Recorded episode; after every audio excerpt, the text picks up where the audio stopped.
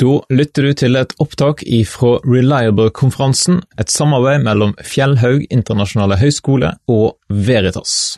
Ja, så bra. Da er vi her. Seminar.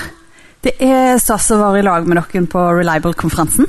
Eh, og eh, Bibelens autoritet det er jo et tema som kan ta litt pusten fra oss. Kan tenke litt hvor skal vi begynne? Men vi skal begynne, og vi skal komme gjennom, og vi skal ha en god økt i dag. Forhåpentligvis litt til ettertanke. Eh, jeg ja, ble bedt om å introdusere meg sjøl litt her, og det skal jeg gjøre. Eh, jeg bor borte på Norges prærie, på, på Jæren. Eh, jeg er lærer på videregående. Eh, på Tryggheim videregående skole. Kanskje noen kjenner til den, ja? Det hørtes ut som. Fint. Eh, nydelig. Eh, så jeg har da eh, våget meg borti dette urbane området her nå. og ja, på Jæren der, eh, der, lever jeg det gode livet. Litt sånn landlig og fint. Eh, jeg er gift med Håvard og har tre uh, unger. To av de er tenåringer. Og opplever jo egentlig å være midt oppi dette her med gode spørsmål. Både på heimebane, i menighetssammenheng, litt i offentlig debatt. Noen av dere vet kanskje at jeg er engasjert som eh, skribent i avisa Vårt Land. Eh, og føler vel kanskje litt at når jeg blir utfordra på et tema som Bibelens autoritet, så er det egentlig det veldig masse av det jeg skriver, handler om. Eh, av og til føler jeg egentlig bare jeg har ett tema, og det er varianter av Bibelens autoritet. Nå leste jeg nettopp at en av Norges eh, ja, som blir som en av Norges viktigste forfattere, Jon Fosse, han sa det at uh, enhver poet skal egentlig bare dikte seg fram til ett dikt, og så skal en skrive det diktet og skrive varianter over det diktet. Og Det er jo litt sånn spennende å få et sånn hovedtema i livet som en bare er virkelig opptatt av og, og um, brenner for. da. Og jeg vil si at akkurat temaet med Bibelens autoritet er noe av det i mitt liv. da. Eh, og når en er engasjert i jo det at Bibelen, Når en er engasjert i eh, samfunnsdebatt, eh, så merker en jo det at Bibelens autoritet, som det ble sagt her innledningsvis, eh, er under press i vår tid. Rett og slett. Den er under press i vår tid. Eh, og det er sånn at, eh, at ting er bare ikke selvsagt lenger i vårt samfunn. Så jeg er jo, som sagt, jeg er lærer, jeg er lekperson. Jeg skal ikke komme her på et uh, seminar med studenter, og kanskje noen, noen er teologistudenter og sikkert mer skolerte sånn sett enn meg der. Jeg skal ikke leke teolog, eh, men jeg har lyst til å dele litt av det engasjementet og litt av de utfordringene jeg ser når det gjelder det med Bibelens autoritet. Forhåpentligvis med mål om å gjøre oss alle mer um, mer modige og mote på å stå i kampen og å våge å utfordre de som utfordrer Bibelens uh, autoritet. Så det er målet, da. Um, men la oss bare begynne med, for dere så kanskje på det første arket at jeg eh, sa litt om det med autoritet og amatør. Det er jo en spennende dynamikk som er kanskje verdt å utforske litt nærmere. Eh, amatør Hvis jeg hadde tatt en liten spørrerunde her nå eh, og spurt litt hva dere forbandt med det, så er det jo eh, kanskje det var litt forskjellig. Men jeg tror kanskje noen, noen ville tenkt noe som er litt sånn halvveis. De er ikke helt proffe, iallfall. Og det er jo helt rett. Men ordet amatør eh, det har jo med det å elske å gjøre, faktisk. Det kommer fra fransk, eh, og det har med å elske å gjøre. Jeg tror, og det skal jeg ikke bruke masse tid på, men jeg kommer tilbake til det på slutten, at vi trenger enda flere teologiamatører. Eh, som elsker ordet og som ikke alltid tenker over kan jeg nok til å forsvare det. Vet jeg nok? Um, og så, på en studentkonferanse, er jeg også opptatt av å si det er jo kjempeviktig med kunnskap på alle mulige måter. Men å gjøre det fordi en er amatøren som bare går for noe fordi en liker å gjøre det, fordi en elsker å gjøre det, og fordi en brenner for noe. Det er så sentralt eh, for oss som er kristne. Vi går litt videre og ser litt på dette med autoritet. som også er, liksom, Her har vi et viktig begrep. Så. Autoritet. Vi lever jo i et samfunn som på mange måter er skuffa over autoriteter. Eh, og det er kanskje mange gode grunner for det, vi skal se litt på det.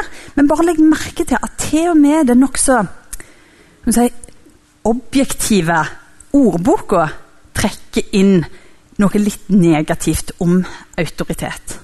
Eh, ofte er det med autoritet forbundet med noe litt negativt. Eh, og her ser dere at eh, når vi kikker på det der med i uttrykk, eh, så forbindes det ofte med en sånn ukritisk Sånn Kobla ut hodet. Ukritisk å følge noen som sier hvordan ting skal være. Eh, og det tror jeg er jevnt over noe som utfordrer oss når vi sier vi ønsker å ha Bibelen til autoritet. Det er faktisk å underordne seg eh, en autoritet, og en sånn absolutt autoritet, som en tenker at Bibelen er. For mange tenker da at ok, det er litt sånn blindt og ukritisk, og egentlig hefter det noe litt negativt med det. Det har jeg jo merka sjøl eh, i en del eh, debatter. Hvis en løfter Bibelen, siterer bibelvers, at en kan bli konfrontert med at ja, men dette må vi se i et samfunnsmessig perspektiv, og vi kan jo ikke bare dra fram Bibelen på den måten. og Spesielt Gamle testamentet. ikke sant? Eh, at det blir jo på en måte, Vi må se, se dette og relativisere det og se det litt i forhold til erfaringene våre, ikke minst. Og så skjer det noe med at en relativiserer fort eh, Bibelens autoritet ut fra de erfaringene folk gjør seg. Um, så jeg tror at denne her dynamikken mellom autoriteten Ofte så ser en for seg har uh, Så er det et bare sånn underordna, uh, litt sånn mutt og tafatt menneske som bare har uh, ukritisk underordna seg en autoritet.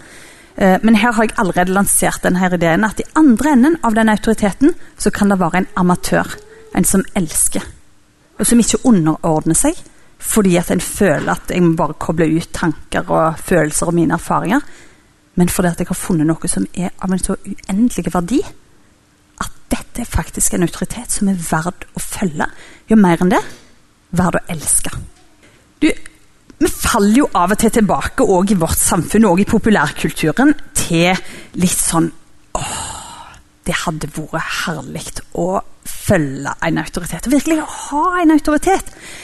Derfor ser vi stadig vekk filmer Uh, og dette er et gammelt eksempel. altså Det er en filmklassiker, en nyere klassiker da, fra 2003. Uh, eh, 'Master and Commander'.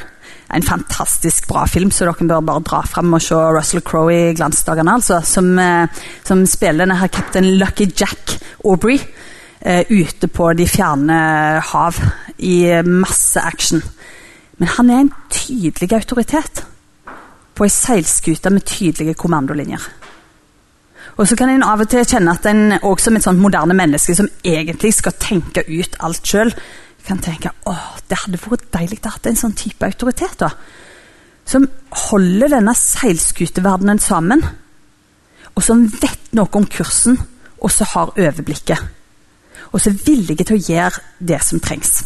Og sånn er jo Samfunnet er jo på en måte et slags kollektivt tilbakefall til dette når en ser sånne filmer som det, som imponerer og gjør folk litt sånn begeistra for autoriteter, til tross for den der skepsisen som vi har eh, med oss.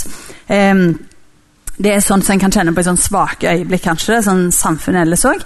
Eh, av og til kan jeg se at ehm, du får portrettert, og igjen jeg er litt sånn tilbake i tid, men det er likevel et eksempel som er litt sånn nyere tid på autoritet eller øvrighet som bare forsvinner, og som fratrer og hvor forvirrende og vanskelig det er. I 1997 så døde prinsesse Diana av Storbritannia i en tragisk bilulykke. Og for, for, meg så i min alder, da, nærmer meg middelaldrende, så er det et sånt øyeblikk der på en måte jeg husker hvor jeg var da jeg hørte at uh, prinsesse Diana var død. Um, men det som skjedde i dagene etterpå, var en slags omveltning i Storbritannia, der folk som var kjent for å liksom bare holde følelsene veldig tilbake og keep calm and carry on. Dere kjenner helt sikkert til alle disse stereotypiene vi har av briter. Eh, ut i gatene. Ut med blomster. Tårer. Um, og så leita de og kikket etter noen fra kongehuset som kunne stå fram og på en måte sette litt ord på det som vi føler. Og være litt tydelige og gå inn i en slags lederrolle. Eh, og Det som er spennende, er egentlig at akkurat i de dagene der, helt tilbake i 1997, så gikk egentlig Storbritannia gjennom, og kongehuset i Storbritannia gjennom en forandring. Men det løsningsforslaget først som kongehuset prøvde på, um, der dronning Elisabeth bare holdt seg oppe på slottet sitt oppe i Skottland, på Balmoral, uh, og bare satsa på at dette skal bare gå over. Dette er så vanskelig, vi vet ikke helt hvordan vi skal løse det. Det skapte en utrolig frustrasjon, sinne og forvirring hos det sørgende britiske folket. Det er for meg et godt sånn eksempel på at når autoriteter eller når folk som er ledere, bare prøver å trekke seg tilbake og forsvinne, så er det egentlig en veldig veldig forvirrende eh, handling. Og det er noen paralleller til dagens kirkelige situasjon. Eh, det er det absolutt. Av og til kan en oppleve at det åndelige lederskapet òg velger, f.eks. i møte med kontroverser eh, og utfordringer innenfor seg på vet ikke om det er etikk, å bare trekke seg tilbake og satse på vet ikke om noen egentlig satser på at det går over, men i alle fall bare satse på at, at det ordner seg sjøl, da. Eh, og For meg har det vært litt forvirrende akkurat det, som medlem av Den norske kirka, som folkevalgt i den kirka, å se at lederskapet bare inngår et kompromiss der en sier dette må bare her må vi bare si at eh, to ting er sanne på en gang. Vi må bare trekke oss tilbake, eh, og så får hver enkelt egentlig bestemme for seg sjøl hva som er sant, hva som er rett, hva som er godt. Det er en ganske forvirrende måte å utøve autoritet på, som jeg tror òg er litt av grunnen for at en har eh, utfordringer med Bibelens autoritet, eh, og for at mange føler seg litt heimløse eh, i en del eh, sammenhenger som kristne. Så det er utfordringer som vi må ta på alvor. Um, I autoritetsbegrepet så ligger det altså en sånn Egentlig til tross for de, altså de litt negative unnskyld, de litt negative forbindelsene vi har med det, altså positive legitimitetsdimensjon, da. Eh, hvis du har en autoritet, eh, så ligger det egentlig i det at, at du har eh, en positiv forventning. Sånn i utgangspunktet. Men det har skjedd noe med det samfunnet vi er en del av. Og det har det virkelig. Det handler ikke bare om at dagens samfunn har en skepsis til, til all type autoritet på et sånn samfunnsmessig plan. Men jeg tror, og spesielt de siste, ja, de siste tiårene, vi kan godt trekke linja tilbake til andre verdenskrig, kanskje, eh, så har en opplevd en gradvis utarming av autoritet, sånn at det nedfeller seg til og med i ordbøkene at det er en slags blind lydighet, og at det er noe negativt. Eh, og så havner det egentlig inni de mellommenneskelige relasjonene òg. Vent noe bare unngå å forvente noe. For skuffelsen lurer rett rundt hjørnet. En slags desillusjonerte holdning òg, da. Eh, til, til, egentlig det å ha positive forventninger. I det hele tatt. Eh, litt av den samme variasjonen her. Eh, skal bare ta med det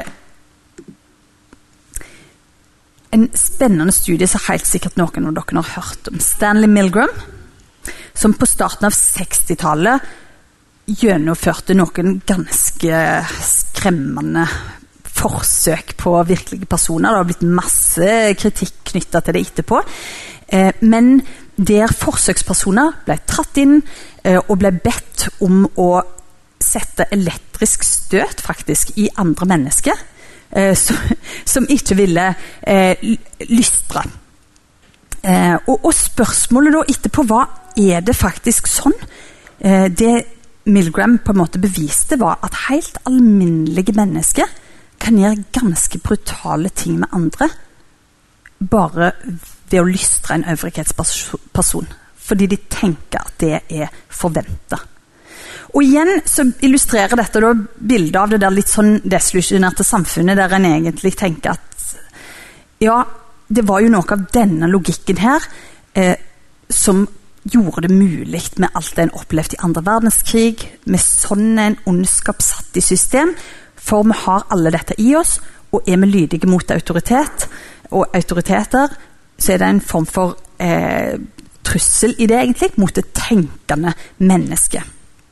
Eh, og alt i alt, Nå blir alt dette litt sånn negativt, men det er liksom for å tegne et bilde og et alvor av hva utfordringer det er knytta til autoritetsbegrepet i vårt samfunn i dag. For de er formidable, og det er de vi står midt i når vi skal leve med Bibelen som autoritet og hevde det som en positiv Det handler egentlig om som vi har grunn for å ha positive forventninger til. Så det, det handler egentlig eh, om dette, da. Så er det spennende òg når man ser en psykolog som, han, eh, som jeg siterer her, Sondre Livrød, eh, som sier noe om dette at uh, 'Obedience uh, to Authority' det er en bevisstgjørende bok. En kritikk av det å lye autoritet. Um, sørge for at vår eget indre moralske kompass det må vinne over tendenser til blind konformitet. Og Her kan vi jo være enige, men det er spennende at en psykolog med egentlig et, et, et uh, ikke-kristent utgangspunkt ser for seg at vi går rundt med et sånt indre kompass. da. Uh, så kan en jo stille spørsmål hvor kommer det fra, da? Dette indre kompasset som vi må lytte til. For det høres ut som et fint uh, alternativ til sånn blind konformitet og sånn ytre autoritetstru. Men hvor kommer det ifra, da? For oss som er kristne så er det jo nærliggende å bare jump to conclusions og si at jo, men det er lagt ned i oss. Og han som har skapt oss og vil oss vel, da. Eh, og det er der linja i alt det vi skal snakke om nå, går videre. Men det er et desolusjonert samfunn, og vi trenger å være bevisst på det. og Derfor begynner jeg litt sånn. Eh, Magnus Malm ga for eh, noen år siden ut en bok som heter 'Som om Gud ikke finnes'. En talende framside på den boka et omslag som eh, viser at eh, treet, et ellers livskraftig tre, har mista kanskje kontakten med røttene sine. Eh, og veldig sånn Kanskje òg en litt sånn dyster innfallsvinkel. Lever vi egentlig som Gud ikke fins? Eh, og Magnus Malm han sier noe om at eh, når det gjelder at samfunnet blir mer sekulært. Det er sikkert også et sånt begrep som vi ofte hører. Og det er jo relatert til at en har tappa Bibelen for autoritet. Samfunnet blir mer sekulært. Eh, handler det bare om ytre påvirkningsfaktorer? Og det gjør det ikke, sier Magnus Malm. Og han sier at det er eh, det er egentlig òg noe som vokser fram ifra sterke bevegelser inne i menighetsliv, inne blant kristne. Der samfunnet òg altså Der, der òg kirka er med på, altså kristne òg kan være med på, å sekularisere samfunnet ved ikke å ha Bibelen som autoritet. Malm snakker om små, umerkelige skritt. Eksempel, et, helt et enkelt eksempel på et av disse små skrittene som kan gjøre eh, samfunnet, eh, altså det kristne samfunnet mer sekulært, er å gå ifra å snakke om Jesus til å snakke om Gud, vår Herre. En bruker mer sånn generelle og allmenne termer på det. I stedet for å snakke eh, om Jesus, så blir en å snakke mer generelt om Gud eller guddommelige kraft. Og Det er sånn umerkelige ting sier Malm, som ikke i seg sjøl trenger å være feil.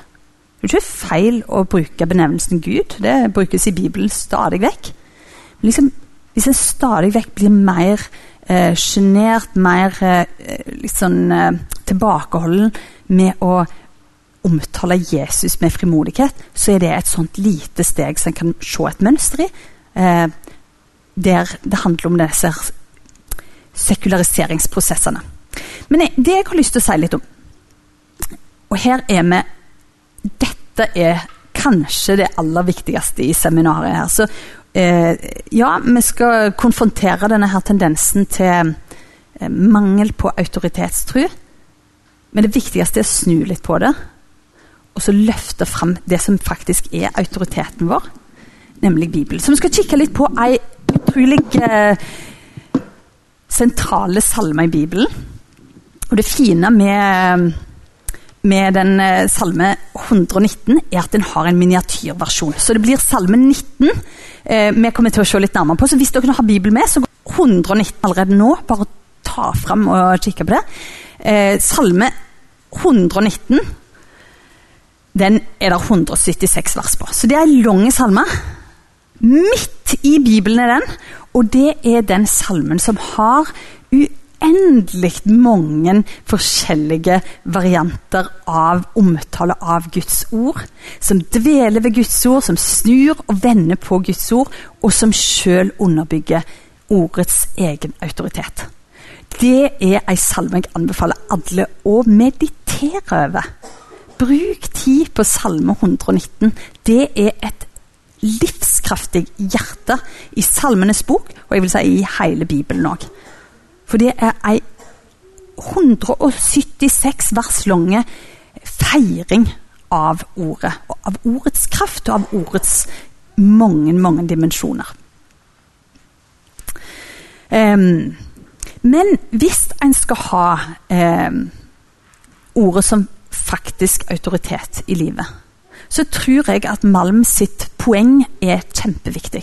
En må våge å begynne med, til og med før en slår opp Salme 119, eller Salme 19 hvis en ønsker det, eh, en våger å konfrontere tendenser til praktisk ateisme i eget liv.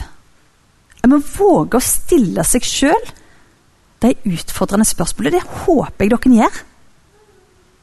Det kan av og til være litt ubehagelig òg. Er det sånn at jeg noen ganger lever som om Gud ikke finnes? Er det sånn at jeg glemmer at han er herre over alle forhold i livet? Er det sånn at jeg blir ukomfortabel når noen utfordrer meg på det å ha Bibelen som autoritet i livet? Så det er ikke sånn at hvis svaret på det er ja, så uff, shame on you. Da er det bare viktig å være obs på det Gå til Jesus med det, og la det bli en del av ditt indre liv. For det, vi ikke må gjøre, er å tenke uff, nei, jeg er bare sånn, jeg. Jeg er ikke kunnskapsrik nok, jeg. Eller eh, jeg, jeg klarer liksom ikke helt å snu dette. Da er en på en sånn moralistisk tredemølle. Jeg tror bare å bekjenne det og si sånn er det. Vi er et annerledes folk. Det er ingen som har sagt at det bare skal være enkelt. Men det, det som jeg tenker er å avsløre, konfrontere og bekjenne tendenser til praktisk ateisme i eget liv. Det er ikke noen lett øvelse. Det er veldig lett for meg å si det. Men jeg vet det fra erfaring at dette er utfordrende. Dette bryter på dypt vann. Og som Magnus Malm sier i denne boka, som jeg ikke nøler med å anbefale, så er, handler det om at det er mange sånne små, umerkelige bevegelser som ikke i seg sjøl leder egentlig noen vil, men som samla sett kan bidra til en sekularisering av det kristne livet, og av kirka, faktisk. Forstått som Guds folk. Så det var utfordringen, da. Men det kan så lett bli til at det kretser rundt oss sjøl, og hva vi skal og ikke. Det å gå til ordet, det må jo være den første måten å faktisk gjøre Guds ord til autoritet på. Hæ? Det er sånn at en går til ordet for å se hva ordet òg sjøl sier om det. At det er vår autoritet. Salme 19. Miniversjonen av den fantastiske Salme 119 eh, skal være ganske lett å huske, sant? for Salme 19 er jo i 119. Så da har du en sånn liten huskeregel der. Eh, den viser oss noe om Guds ords storhet. Salme 19, 8-11 begynner rett på i de versene der. Herrens lov er fullkommen. Dere kan eh, kikke i Bibelen også, så har dere en litt annen variant. Herrens lov er fullkommen. Den gir livet nytt, står det der. Forring, hæ? Den gir livet nytt. Totalrenovering, hæ? Så står det videre Herrens vitnemål står fast. Det gir den uvitende vis. Står det i min versjon. Og hva tenker vi da? Ofte er det jo litt sånn at eh, Ja, tru blir ofte spilt ut mot smartness, mot det å være klok og vis. Her er den koblinga gjort helt overtydelig. Det er faktisk Herrens vitnemål. Det er bare et annet uttrykk for Guds ord. Gjør den uvitende vis. For en presentasjon! Og sånn fortsetter det. Herrens påbud er rette, det gjør hjertet glad. Å ja. Det er liksom ikke bare i hodet, sant? Det appellerer jo til følelsene òg. Det gjør deg glad. Og vi må jo tenke litt på hva, hva type glede er det vi snakker om her. Noen ganger så kjenner en jo bare på at en jubler i møte med Guds ord. Og andre ganger så er det denne dype understrømmen. Um, der det gir seg utslag i at det er noen sammenhenger i livet som faktisk heller. Det er jo en glede som uh, overgår den litt sånn flyktige gleden en har av mange andre ting. Eh, videre står det i eh, denne passasjen i Salme 119 eh, Herrens, påbud, nei, Herrens bud er klart, det gir øyelys. Det gir innsikt. Herrens bud er klart. Og Vi skal se litt på det seinere, hva innvendinger vi finner mot eh, liksom, å ha Guds ord som autoritet. Men ofte er det jo dette. Legg merke til det. Ofte er det jo dette. Ja, Men det er så uklart. Vi kan jo ikke egentlig si noe sikkert. Så det er kanskje ikke vits å finne ut av det likevel. er jo fortsettelsen på det resonnementet. Og det kan av og til føre til en slags sånn maktesløse òg. At ok, hvis det er så uklart, og, og hvis en ikke har tilstrekkelig meteorologisk kompetanse, nei, da er det best å bare Så bare la det være. Da får en bare holde det utenfor i denne omgang.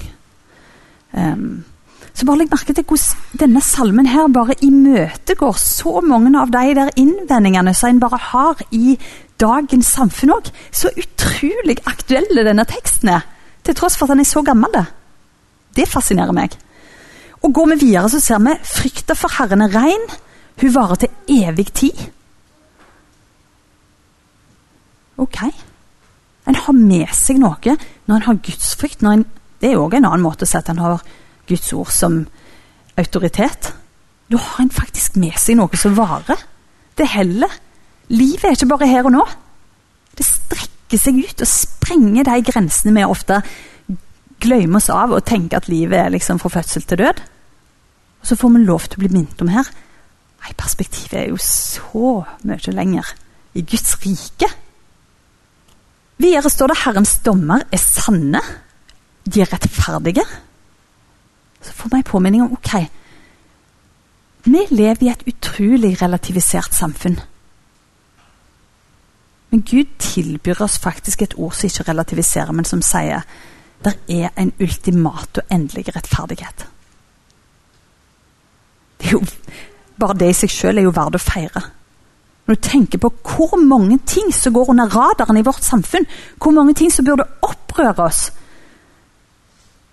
Nettopp en av de store diktatorene i et afrikansk land døde. Robert Mugabe, etter mange mange år med å undertrykke et folk. Så masse som har gått under radaren. Jeg las bare litt, uh, litt av de nekrologene og sånn. Som har så gått under radaren. Så mange folk som aldri har fått rettferdighet. Det er bare ett enkelt eksempel. Tenk opp gjennom historien. Og så er det et løfte om en ultimat rettferdighet. Så hjelper oss å tenke at Tilværelsen er jo ikke grusom. Den vil bli gjort kjent for årene oppe av en ultimat rettferdighet som en dag vil bli gjort kjent for alle. Det er, det er et håp. Et mektig håp. Og så står det videre at det er akkurat som salmisten her i de der to siste versene i denne midtpassasjen i denne salmen her eh, Guds ord er mer verdt enn gull, står det i min versjon. Skinende gull i mengd. Og de er søtere enn honning. Ny og rennende honning. Det er akkurat som Salmisten vet liksom ikke helt hvordan en skal få sett ord på hvor, eh, hvor godt, hvor sant, hvor rett Guds ord er. Snakk om å ha det som autoritet. Sant? Ikke bare ok, vi får innrette oss etter dette. Det er en sånn byråkrattilnærming, kanskje. Det er et slags lovverk. Men dette gjør livet nytt. Det forandrer meg. Det gjør noe med mitt indre liv på en så grunnleggende måte. Og det omfatter alle aspekt ved tilværelsen. Og hvis du vi må si litt om Salme 19, altså, så må du bare love at den, den vil du bruke litt tid på. Eh, for hvis vi ser på Salme 19 samla sett, så begynner altså den med å proklamere. Himmelen forkynner Guds ære. skaperverket er så stort. Gud står bak det. Det er stort. Og det, det formidler noe om hvem som står bak det. Og det er noen dere har sikkert hørt det også, som sier, igjen kanskje litt utfordrende for Bibelens autoritet Jeg sitter ikke med nesen i Bibelen. Jeg går ut i naturen. Jeg tar meg en tur ut, og der ser jeg bevis på at Gud er stor. Og det gjør vi jammen. Det sier denne salmen òg. Gud er stor. Det er bare å kikke på det mesterverket han har skapt. Menneske og natur. Mektig vitnesbyrd om hans storhet. Men strukturen i denne salmen her forteller oss at ja, det kan godt begynne med det helt umiddelbare. Vi kan godt gå ut i naturen. Men så kommer disse kruti egentlig. Altså om Guds ord. Og det munner ut i egentlig et dypt måtte, indre og personlig forhold, som salmisten beskriver. Både om det å bekjenne synd, og til slutt å si 'Herre, må orda i min munn' og må tankene i mitt hjerte være til glede for deg, min Herre. Og hva skal vi konkludere med når vi leser en salme sånn som det her? Hva forteller den om Guds ords autoritet? Jo, den sier noe om at en kan godt begynne i det generelle, og at Gud åpenbarer seg i naturen. Men den midtdelen, det er den som på en måte sikter eh, alle disse erfaringene og gir det sin rette form og munner ut i at OK, Gud, du er stor, men hva har det å si for meg? Hva betyr det i mitt liv? Jo, det har alt å si for meg. Og det utgjør en enorm forskjell i mitt liv. Sånn at hjertet i denne salmen her er egentlig Guds ord. Og det er det som på mange måter tar ned denne store kosmiske bekjennelsen og setter den inn i vårt liv og munner ut i Herre. La ordet i min munn, la tankene i mitt hjerte være til glede for deg.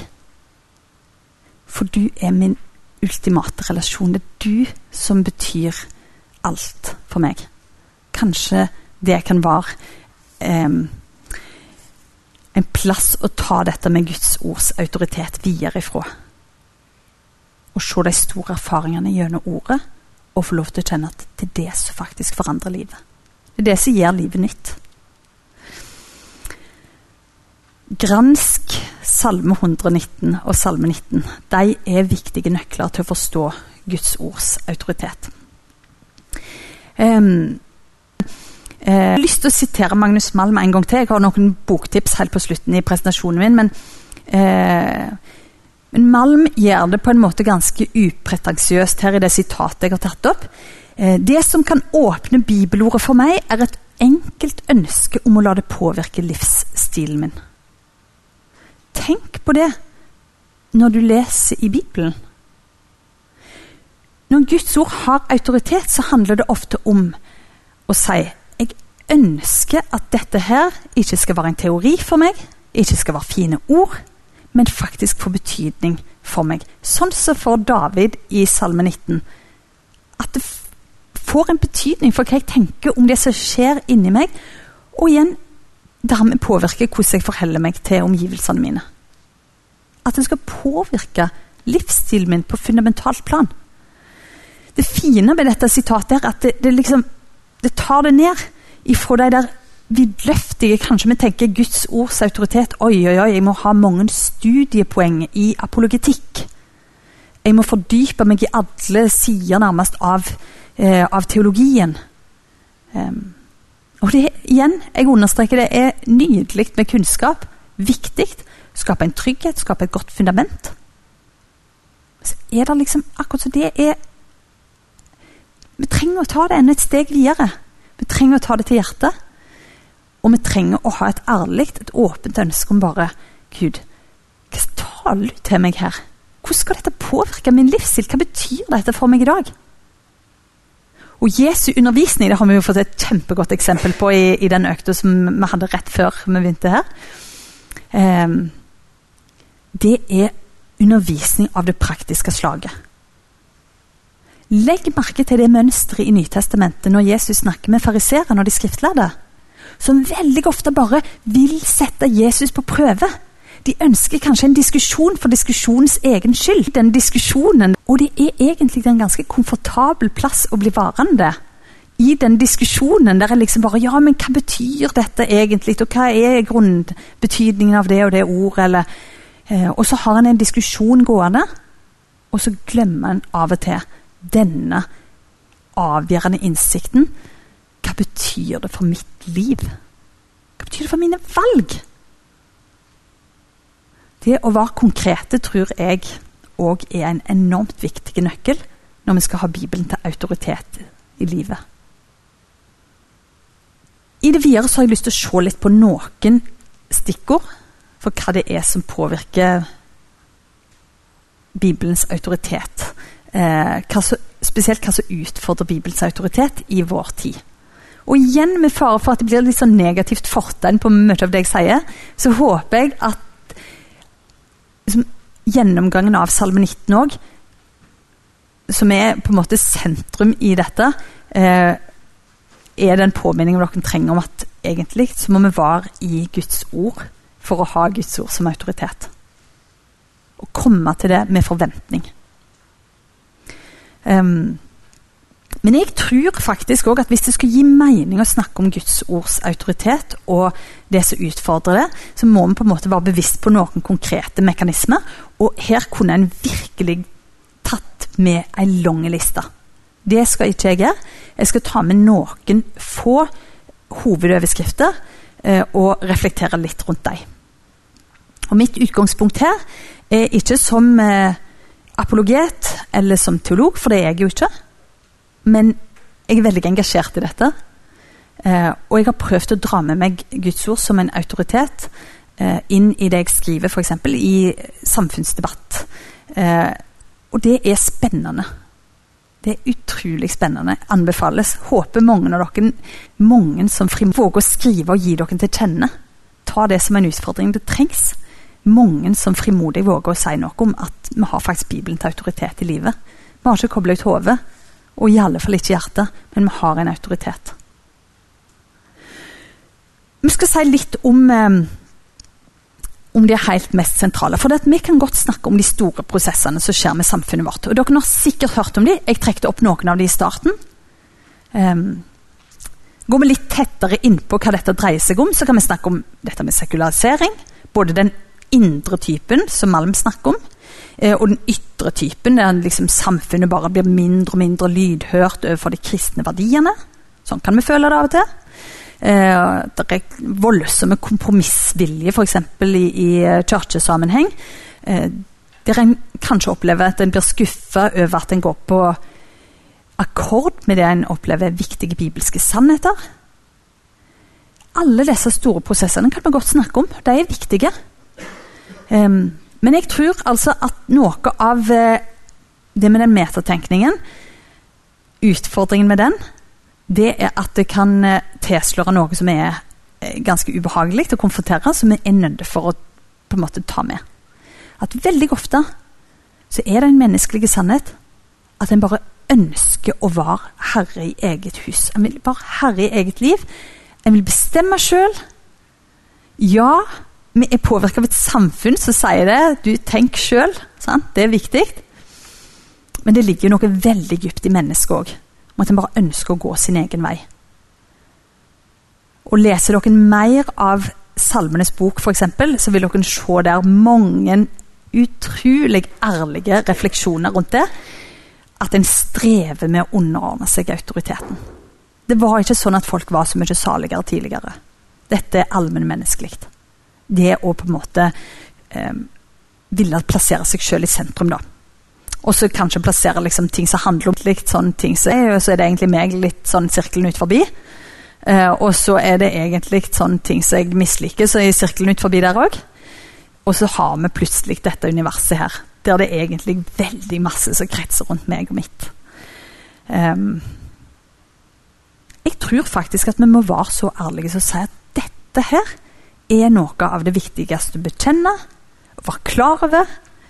Og Bibelen utfordres jo òg til bare å være realistiske når det gjelder mennesker. Vi har alle synder og står uten del i Guds ære, står det i Bibelen. Sånn er det. Og det å vende om, eh, det er jo en sånn bevegelse vi må gjøre stadig vekk og hele tida. Dere har kanskje hørt det gamle uttrykket 'den daglige omvendelse'. Det er like aktuelt nå som før. Ingen grunn for at det skal støve ned. For vi har behov for det. For disse kreftene her, de er sterke. De plasserer oss sjøl som autoritet, og så er alt annet litt sånn i vide sirkler ut forbi, eh, og kanskje vi egentlig glemmer litt av. Um, den vi egentlig har bestemt oss for, ønsker og har invitert inn som vår autoritet.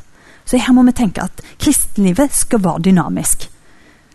Det er liksom ingenting som er bare én gang for alle, og så skal en peke tilbake på en dato. når det. Jeg tror vi må tenke at dette er en helt reell dynamikk, for det er så sterke krefter som virker på oss. Innenfra, eh, ikke minst. Så la oss bare ha det som en sånn bakteppe. Og det er noe håpefullt med det òg, da at når vi kjenner at alle disse distraksjonene røsker tak i oss, når vi kjenner at det er vanskelig å ha Bibelen som autoritet, så gir det faktisk en mulighet for å være så bevisst at en faktisk velger å vende om og si 'Herre, du vet hva jeg egentlig vil'. Så kan du finne trøst hos Paulus og så sier 'Det gode som jeg vil, det gjør jeg ikke', og det vonde som jeg ikke vil, det gjør jeg. Han òg den gudsmann, han som hadde opplevd en sånn de samme kreftene. Han sier episke omvendelse. Han kjente på akkurat de samme kreftene. Det er allment.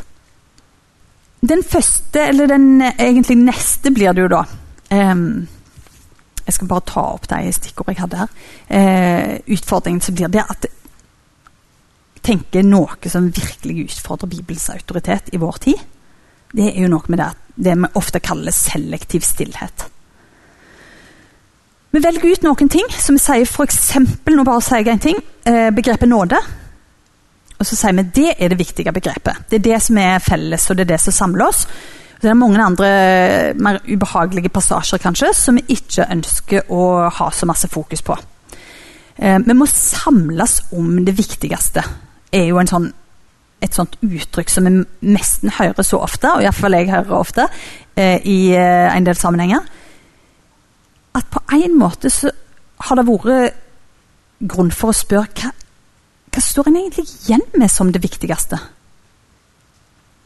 Hva står vi tilbake med hvis vi skal på en måte snakke om det viktigste? For eh, for plutselig så kan jeg føle at det blir litt sånn tomt òg, og at det blir litt sånn grunt. Litt sånn som hvis en skal prøve å dykke i et sånt lite basseng. Så var det plutselig ikke så masse. En kom liksom aldri ned på dypet, for vi hadde liksom stått igjen med så veldig lite av det som på en måte var vår felles pool, da, hvis vi skal bruke det uttrykket. Um, for det kan bli mange tema som forsvinner ut forbi. Nå har jeg jo allerede eh, nevnt litt om det med samliv.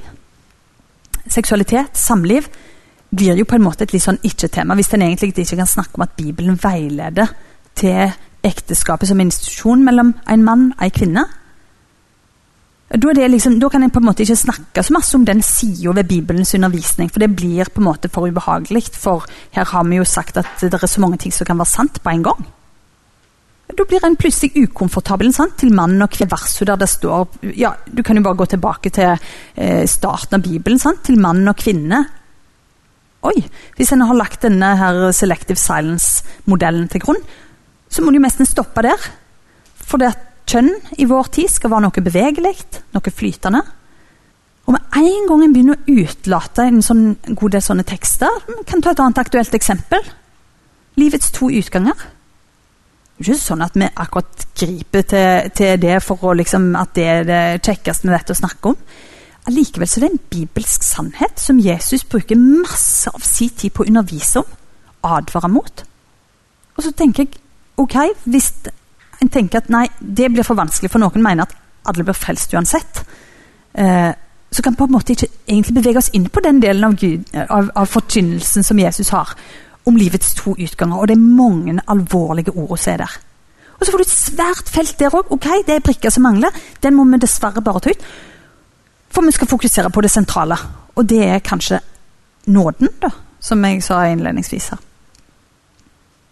Så dette er utfordrende mekanismer, ser dere det? At vi kunne tatt andre tema òg, eh, som blir for vanskelig å snakke om for at vi skal på en måte prøve å imøtekomme alle. Og så sier en på en måte nei, vi kan ikke egentlig konkludere så tydelig, så dermed så må vi bare la det ligge. Det blir lite å snakke om til slutt. Og det blir en grunn forkynnelse. Og det gir lite rom for en erkjennelse av Bibelen som autoritet. Er dere med på den? Jeg, jeg tenker ofte på det som en liksom ny type smal vei. jeg. At jeg får det så fryktelig smalt. Du skal liksom gå langs en sånn liten linje der, der, alt som på en måte går utover noen helt få nøkkelord, eh, så, så, er du på en måte ut forbi. I stedet for å ta med hele Bibelen og si noe om at alt dette, det er det er Guds åpenbarte ord for et indre liv. Og her kan vi på en måte ta inn næring for det kristne livet. Du har et indre liv, og det får du næring av fra hele ordet. Lest i sammenheng, vel å merke. Ikke som løsrevne sannheter og bare som sånn quotables, men som sannheter lest i sammenheng. For hele Bibelen forkynner om Jesus. Så det er heller ikke sånn som noen sier at nei, vi skal komme litt tilbake til det, men at Nytestamentet liksom det er der vi må være. Og så, og Gammeltestamentet må vi bare holde litt utenfor, for der er det så masse krig. Det blir litt sånn. Så plutselig, med den selektive stillheten, så kan en jo ende opp med det òg. Nei, Gamle testamentet blir fryktelig vanskelig. Ja, For der er det så mange rare profeter og, og, som sagt så masse krig og så mange ting vi ikke helt kommer til rette med. Så vi må ta det òg ut. Så den selektive stillheten, du, den skal vi være litt årvåkne for. Når plutselig mange bibelske sannheter faller utenfor det vi kan snakke sammen om som kristne, da har vi tatt ned Bibelens autoritet. Um, jeg har lyst til å ta med et par ting til. Um, det jeg kaller med kanskje et litt sånn fint ord, men infantilisering av religion. Infant, spedbarn. Infantilisering, så reduserer en det på en måte til noe litt barnslig. Ikke barnlig. For det er det jo mye grunnlag for å si at troen skal ha et, noe barnlig utenfor Bibelen. Men det der barnslige, det å bli parkert på ett nivå. Og Jeg har skrevet litt om det eh, i f.eks. en artikkel jeg hadde, der jeg hadde litt sånn, ja, jeg var kanskje litt ute på å piske opp stemning, og litt, jeg skal være såpass uh, ærlig, men jeg kalte det for makelig barnetru, denne artikkelen her makelig Og Det vekta en del eh, skikkelig eh, ja, kritisk eh, motsvar, og det er helt greit. Det er godt å ha en, en god debatt om sånne temaer som det. Uh, poenget mitt var egentlig ikke å si at det er noe galt i å ha en barnetro. Men det er noe litt forstemmende hvis vi blir bare varende der. Imot Jesus. Barnetro er jo egentlig nydelig. Jeg har jo unger sjøl. Og når unger tar imot Jesus og åpner seg for han, så er jo det rett og slett helt nydelig. Det er et nydelig begrep. Og Jesus snakker med denne lovlærte Nikodemus vet du, og sier du må bli født på nytt. Han sitter og klør seg i hodet, ser jeg for meg. Iallfall, og bare Ja vel. Eh, skal bli barn igjen, liksom. og eh, Virker merkelig. Så det er masse grunnlag egentlig for å snakke om noe barnlig, og det å ta imot trua eh, og tenke at Gud er vår far, og vi er hans barn. Så, så Bibelen er jo gjennomsyra av metaforer som egentlig sier at dette begrepet her skal være greit. Men legg merke til når det blir en slags omskrivning av det at en bare privatiserer trua og sier at den er bare sånn, den skal ikke utvikle seg. Det er ikke en dynamikk i trua. Jeg har min barnetru, sier noen, så ikke, ikke spør meg om mer enn det. Og det det står litt i kontrast til det Paulus sier eh, om å ikke være som umyndige småbarn som blir drevne her og der. Det står noe i Bibelen òg om å gå ifra melk til faste føde. Vi kan vokse i tru og vokse i det kristne livet. Ikke bare kan vi det, men det er egentlig den modellen som blir forutsatt i Det nye testamentet. Vi tar imot trua, vi vokser i trua, vi er der vi er. Men hvis en begynner å si Nei. Jeg har den trua jeg har, jeg trenger ikke å komme videre, jeg trenger ikke å lære mer. Da vil jeg si at en er på en måte offer for en slags infantilisering av trua. Um, og igjen så ligger under da hva er koblinga til Bibelens autoritet her? Jo, et barn kan jo bare på en måte er jo veldig prisgitt de voksne, da. Men en kan bare si at hvis en har en sånn barnetru en ikke vil lære mer, sånn, så bare blir en varende der. En trenger ikke sånn åndelig autoriteten en har. En trenger ikke sette seg inn i mer. På en måte en litt sånn åndelig ansvarsfraskriving, da. Det er godt for noen av dere syns dette er litt sånn harde ord. Men jeg tenker en skal være litt bevisst på eh, denne her eh, måten en snakker om det på. Og så kan noen jo tenke sjøl om det er sånn dette begrepet opptrer. Bare tenk litt for dere sjøl. Det er sånn at dette er en omskrivning av dette med eh, åndelig latskap. Eh, jeg gidder ikke finne ut mer. For jeg har min tro, og den har jeg en gang for alle. Da har en kanskje stagnert litt. Et begrep til skal vi ta med oss. Um, the art of imperious ignorance. Kanskje noen av dere har hørt begrepet tidligere. Den arrogante uvitenhetens kunst, vil jeg omsette det til.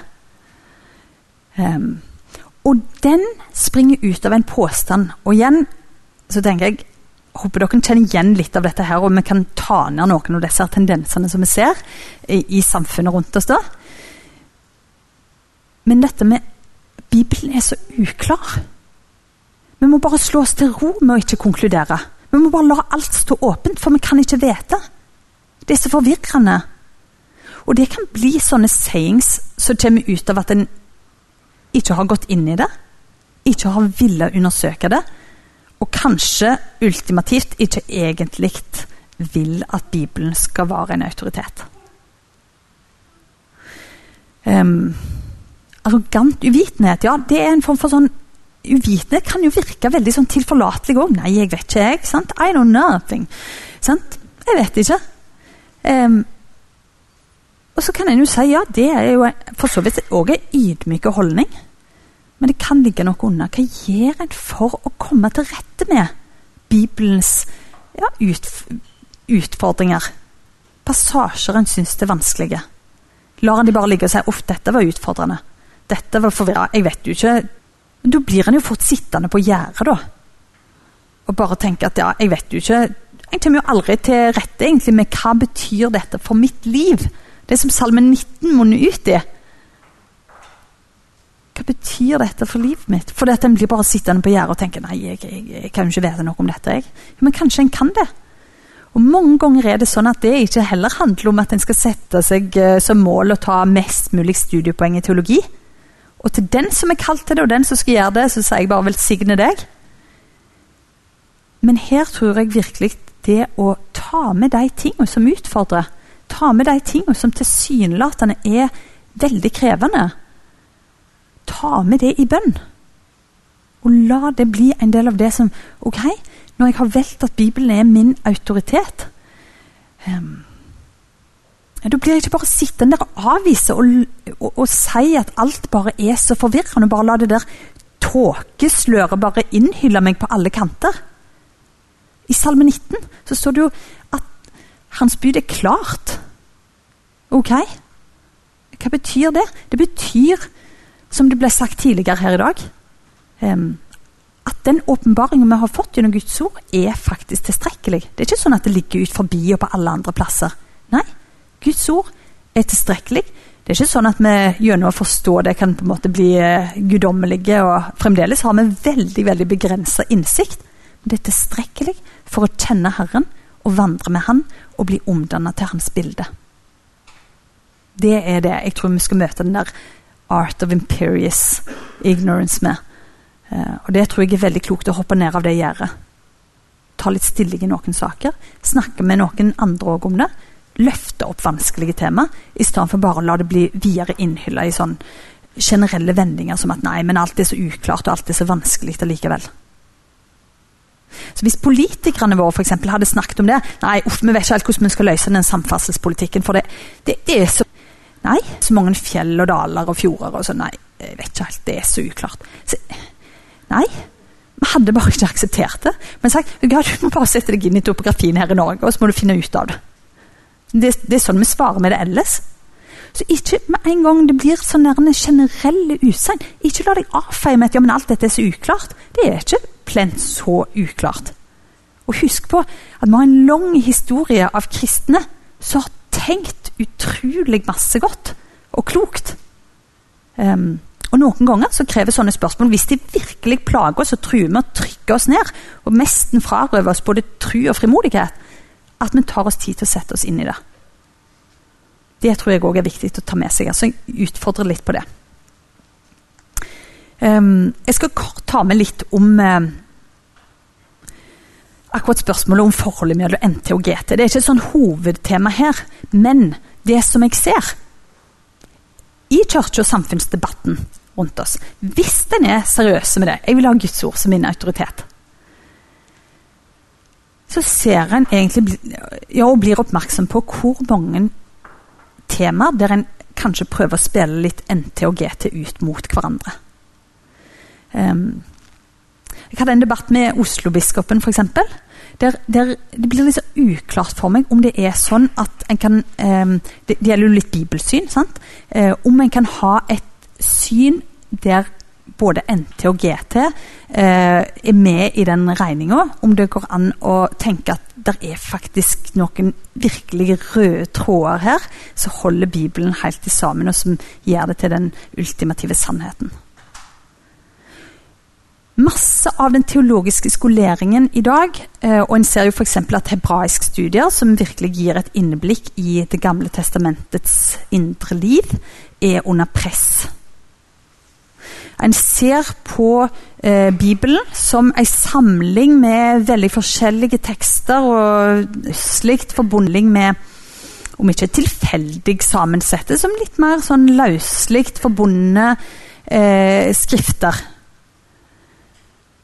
innenfor ulike sjangre osv. Det er helt klart De 66 skriftene i Bibelen er høyst forskjellige og tilhører mange forskjellige sjangre, og de må leses på, på sitt eget eh, grunnlag. Det er kjempeviktig. Men det er noen viktige linjer. Det henger sammen. Og hele Bibelen er Guds ord. Og hele Det gamle testamentet, viktig, vitner om Jesus og peker på han som den som skal komme, som den som frir oss ut, og som den som er Guds ultimate plan. Det er viktig å være klar over. At en ikke får et sånt fjernt forhold til Det gamle testamentets betydning. Og hvorfor stresser jeg dette? Jo, for hvordan las Jesus Det gamle testamentet? Hadde han en sånn grunnleggende kritisk tilnærming? Nei. Han var kommet for å oppfylle loven, sier han. Ingenting av Herrens ord skal forgå. Og i sin innsettingstale i Lukas 4, er det vel, så siterer han jo profeten Jesaja. Herrens ande over meg, for han har sett meg til å fortynne. Og så siterer han fra de gamle profetskriftene med den største selvfølgelighet. Hvor er den henter sin identitet? Hvor er den henter sin legitimitet? Jo, det er selvfølgelig i Det gamle testamentets skrifter. Han er jo oppfyllelsen av dem. Og Derfor så er det så enormt viktig, hvis vi skal beholde eh, troverdig og bærekraftig bibelsyn, at vi holder de to i sammen. Det tror jeg er helt, helt avgjørende. Vi er helt klare for å eh, gå inn for landing. Nå har det vært masse. Jeg håper at dette her er noen nøkler som kan hjelpe dere litt i møte med alle de utfordringene vi har litt slitsomt når det gjelder å holde oppe Guds ord som autoritet. Og så kan det av og til være litt slitsomt, det skal jeg bare si helt til slutt. Holde oppe, Det kan liksom høres ut som jeg nå tror at vi liksom heller og bedre på våre aksjer. og liksom, blir kanskje sliten bare av å høre det. sant? Men tenk på Salme 119, og tenk på Salme 19. Der vitner Guds ord om sin autoritet. Det er den ultimate sannhet påvirker alle sider ved livet vårt. Og så har han skapt det sånn at vi er frie. Han tvinger oss ikke inn i sine sannheter. Men de blir jo ikke mindre sanne om noen ikke tror på det. Sånn er det jo med objektive sannheter. Um, de fortsetter jo å være like sanne, um, uansett hva stilling mennesket tar til dem. Uh, og det tror jeg kanskje er det vi må ha med oss. Så hvis jeg bare skal runde av litt Jeg skal hoppe over et par ting. Så skal jeg bare ta med dette her. Helt, helt endelig. Uh, hørte nettopp det ble sagt at Kirken har et kompetanseproblem. Jeg tror det er heller problemet med amatørene. Sant? Det å elske. Det å, å, øve seg på å elske Guds ord. At vi gjør det i vår, vårt liv. Søke det å elske Guds ord, for da blir det vår autoritet, som vi ikke følger som en, et ytre korrektiv, men som noe vi ønsker skal lede oss fra hjertet. Takk for oppmerksomheten. Ha en fin konferanse videre. Jeg runder av her.